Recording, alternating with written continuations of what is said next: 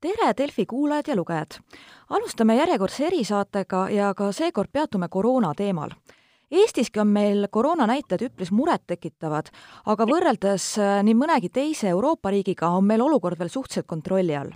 täna aga me räägime natuke teisest äärmusest ja täpsemalt äh, olukorrast Belgias mina olen Delfi toimetaja Karoliina Vasli ja külaline on meil täna kaugelt Brüsselis Silver Meikar, tere hommikust! tere hommikust!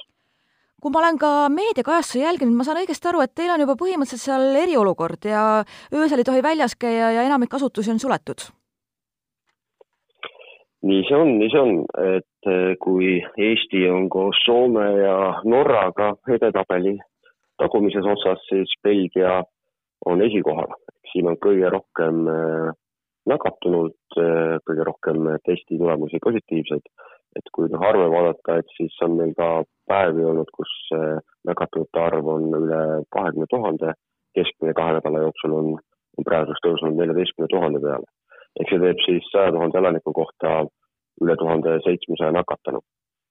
noh, Eestis on see number praegu, kui ma vist õigete andmetega kuskil kuuskümmend kaheksa, seitsekümmend,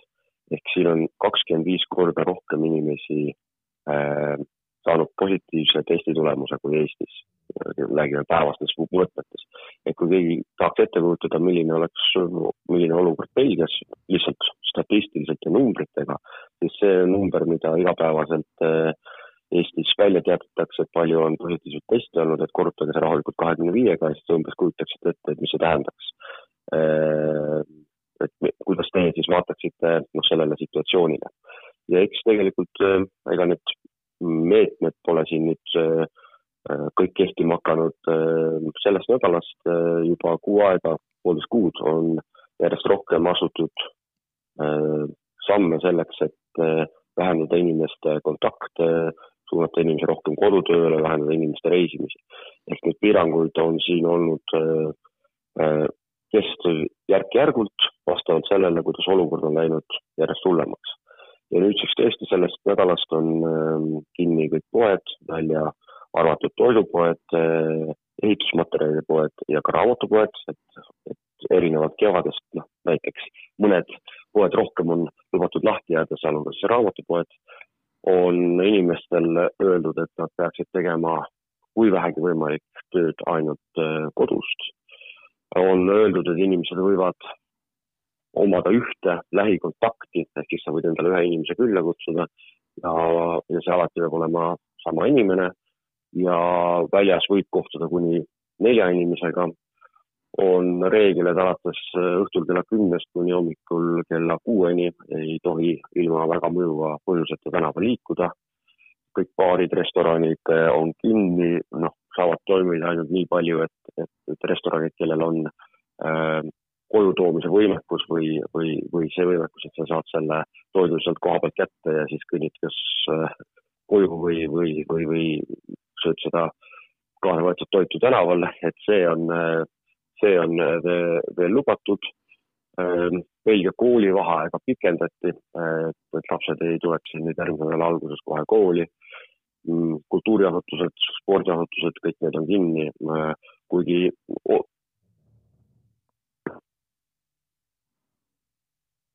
nad ei, ei ava oma uksi kindlasti sellel aastal, et selles suhtes mm, see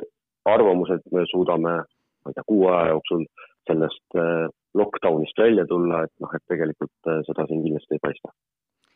Ja kuidas üldse juhtus nii, et see viirusepuhang äh, siis Belgias nii käest ära läks, et need numbrid juba nii kõrgele on kerkinud? no ma arvan, et, et siin mängib väga olulist rolli rahvastikutihedus ehk siis äh, nii Belgia kui ka Holland on, et me vaatame neid riike, kus on kõige suurem puhangute äh, arv, et äh, kõige suurem puhang, et, et need on need riigid, kus on väga suur rahvastikutihedus äh,. inimestel on ka harjumus käia äh, kohtumas, see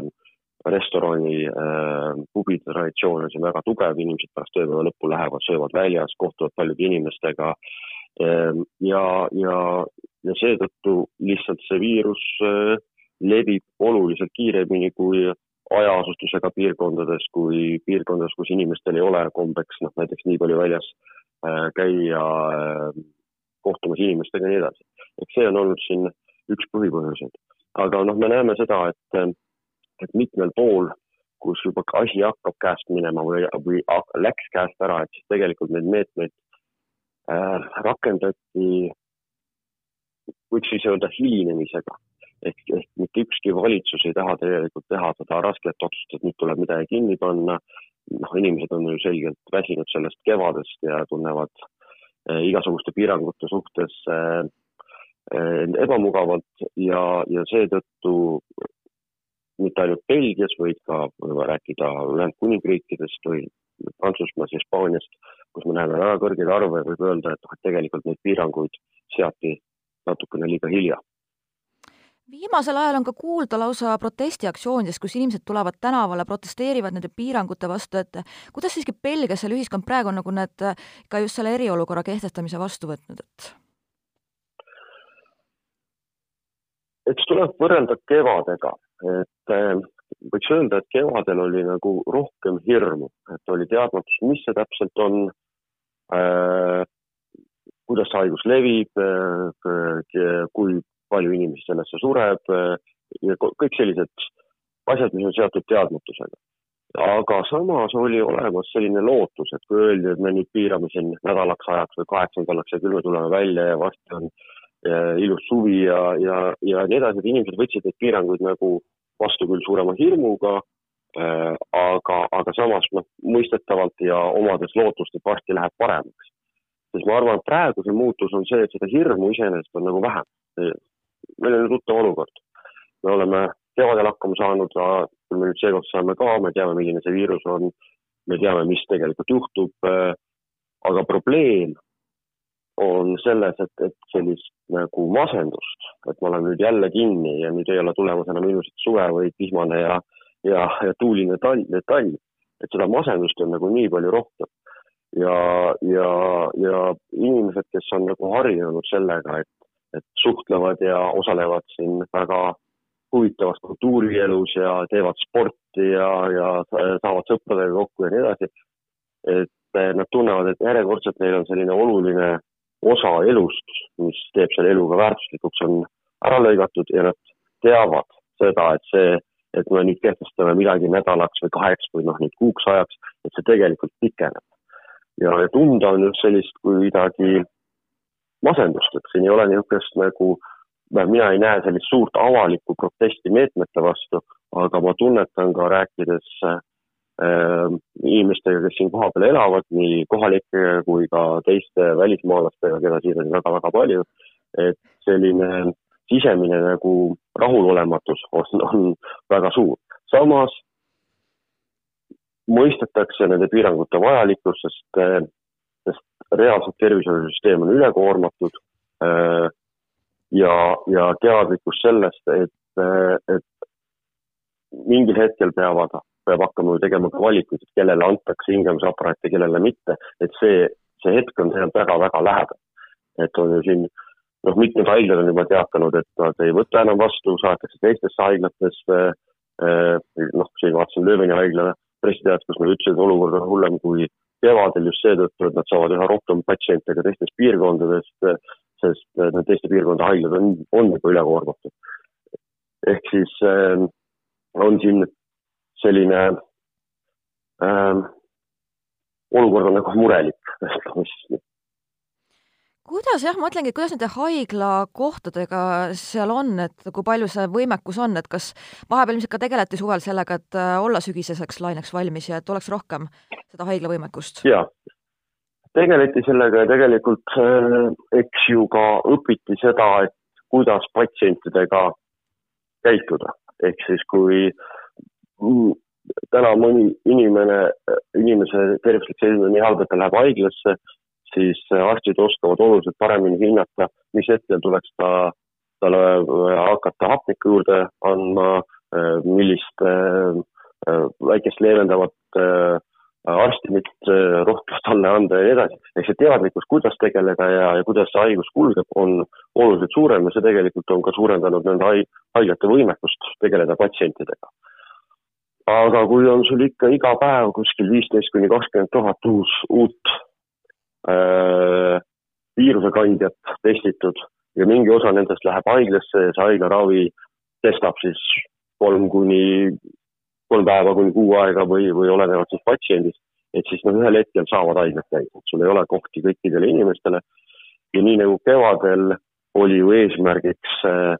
äh, flatten the curve või selle kurvi nagu allatõmbamine, et siis ka täna kõikide nende piirangute eesmärk on see, et, et haiglad ei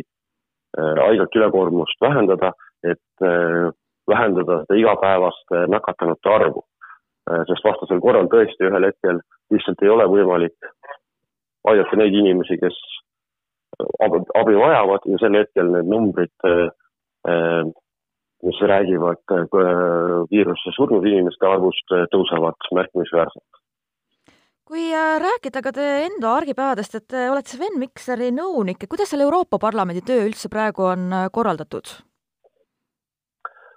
Ähm, see pool aastat on olnud paljude muutuste aeg ehk positiivse poole pealt peaks ütlema, et see on andnud tõuke, mismoodi Euroopa Parlament on kasutusele võtnud üha rohkem äh, digitaalseid tehnoloogiaid. enamus koosolekuid toimuvad digitaalsel teel või nüüd alates sellest nädalast siis kõik koosolekud toimuvad digitaalsel teel, et füüsiliselt ei oodata parlamendiliikmeid enam Brüsselisse ähm,. parlamendihooneid on võimalik külastada äh,, aga seal on ka nüüd need reeglid, et näiteks äh, meie kontorist võib kohal olla füüsiliselt ainult üks inimene, ta peab olema mõjus põhjus, miks sa ei tee kodus tööd. Ehm, kõik niisugused tavalised äh, Euroopa Parlamendiga seotud tegevused nagu äh, külalisgrupid äh, koduriigist, konverentsid, seminarid, need on jäänud ära kogu selle, alates märtsist siiamaani pole nagu toimunud, füüsiliselt on toimunud ainult noh, interneti teel. Ehm, et jah, et selline töö on kolinud digitaalsesse võrgustikku, et ja, ja, ja ja see on tegelikult selles suhtes sarnane noh, kõigi sellega, mida siin näidatakse ka tavaettevõtetelt äh, ja riigiasutustelt, et nii palju kui vähegi võimalik, tuleb teha kodust äh, tööd ja mitte minna kontorisse kohtuma inimestega ja seeläbi siis ajate kaasa sellele, et, et viiruse levikut peatada. Kui ma õigesti aru saan, siis praegu vist on kuskil detsembri keskpaigani või et kuidas selle eriolukorra pikkusega on ja inimesed ilmselt ka mõtlevad, et kas nad ikka jõule saavad tähistada ja kas, kuidas selle pühade meeleoluga on? no praegu need piirangud kehtivad äh, kuu aega, detsembri alguseni, aga on väga kaheldav see, et äh, et need peaksid, et, et kogu see olukord peaks lahenema ühe kuu jooksul. Et kindlasti need jõulud äh, saavad olema teistsugused, kui olid äh, aasta aega tagasi. Äh, ma, ma näen seda suurt muret see, just selles, et inimestel on ju tegelikult jõulude ajal selline pikem vaheaeg, kes sõitis oma koduriiki, kes on siin välismaal, sõitis oma koduriiki oma perega, kes on siin kohalik, tegi ka pikema vaheaja kuskil välisriigis või siis äh, läks külla vanavanematele. Ähm, kui need piirangud jäävad kehtima ka jõulude ajal, kus koha peal ei tohiks külastada äh, teisi piirkondi ja kus koha peal on suuremad kogunemised keelatud, siis sel hetkel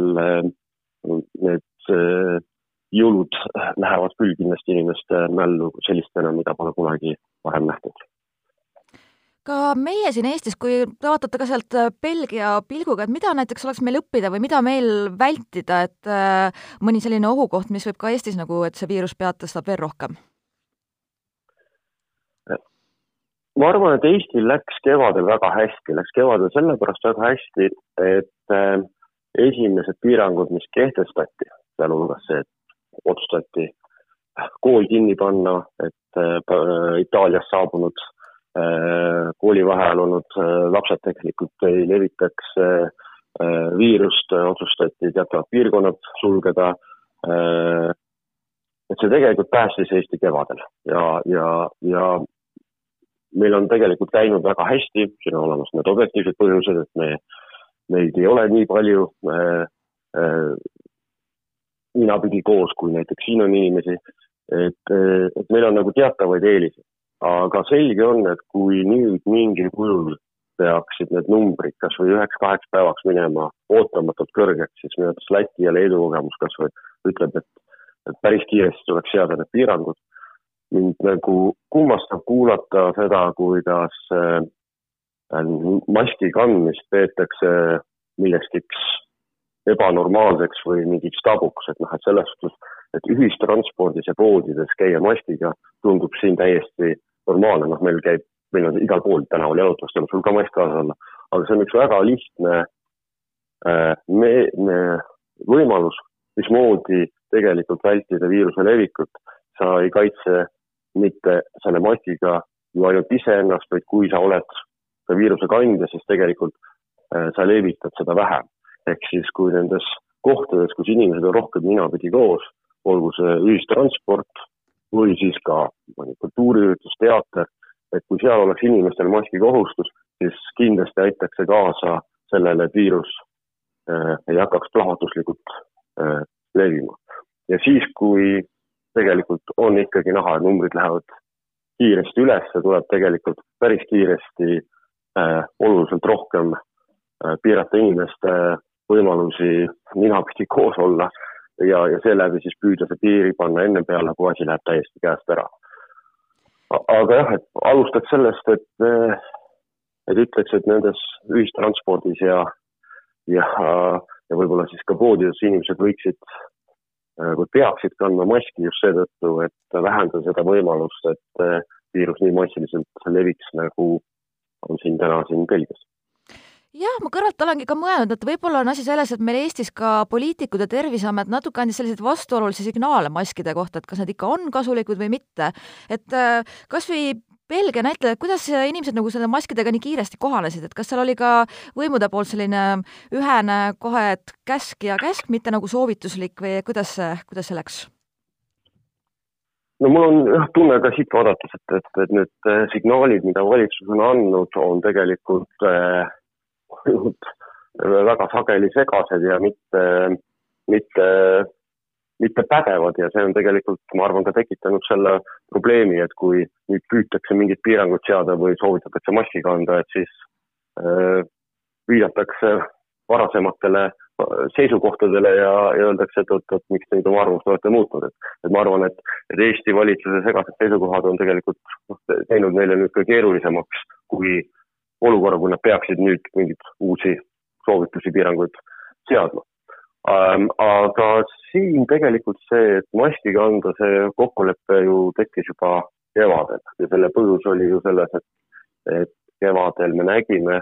et see viirus on väga leviv. me olime, saime palju rohkem kannatada kui, kui, kui inimesed, kes elasid Eestis. ja, ja siin nüüd, kui öeldi, et tuleks maski kanda, see tule, tundus nagu loomulik. et need kohad, kus koha peal mm, noh, inimestel võis, võib tekkida küsimusi, kus ma näen, et maski ei ole ees, on tõesti, kui sa siin õhtul jalutad äh, äh, tänaval ja seal pole tõesti ühtegi inimest, siis sel hetkel noh, võtad maski eest ära või kui sa lähed metsa ja loodusesse, et noh, et sel hetkel kahtlemata see ei ole vajalik. Aga see, et sul on rahvarohketes kohtades ühistranspordis, poodi sisenedes mask ees, see, et sa puhastad oma käsi, see on ähm, see on kõige vähem asi, mida iga inimene teha saab ja seda, sellega ollakse nõustutud siin massiliselt või võiks, ma ei, ma ei tea inimest, kes selle vastu täielikult sõdiks. Aga igal juhul ma arvan, et sellega tõmbaski vestlusele joone alla ja loodan, et äh, nendest piirangutest ja eriolukorrast on selles mõttes kasu, et need numbrid lähevad alla. et ega teist varianti ei ole ka, et peab kuidagi, kuidagi sellele vohavale viirusele natuke piirangud peale saama ja ma väga loodan, et Eestis ei näe inimesed kunagi noh, nii suurt puhangut kui siin Belgias. aitäh teile ja kena päeva!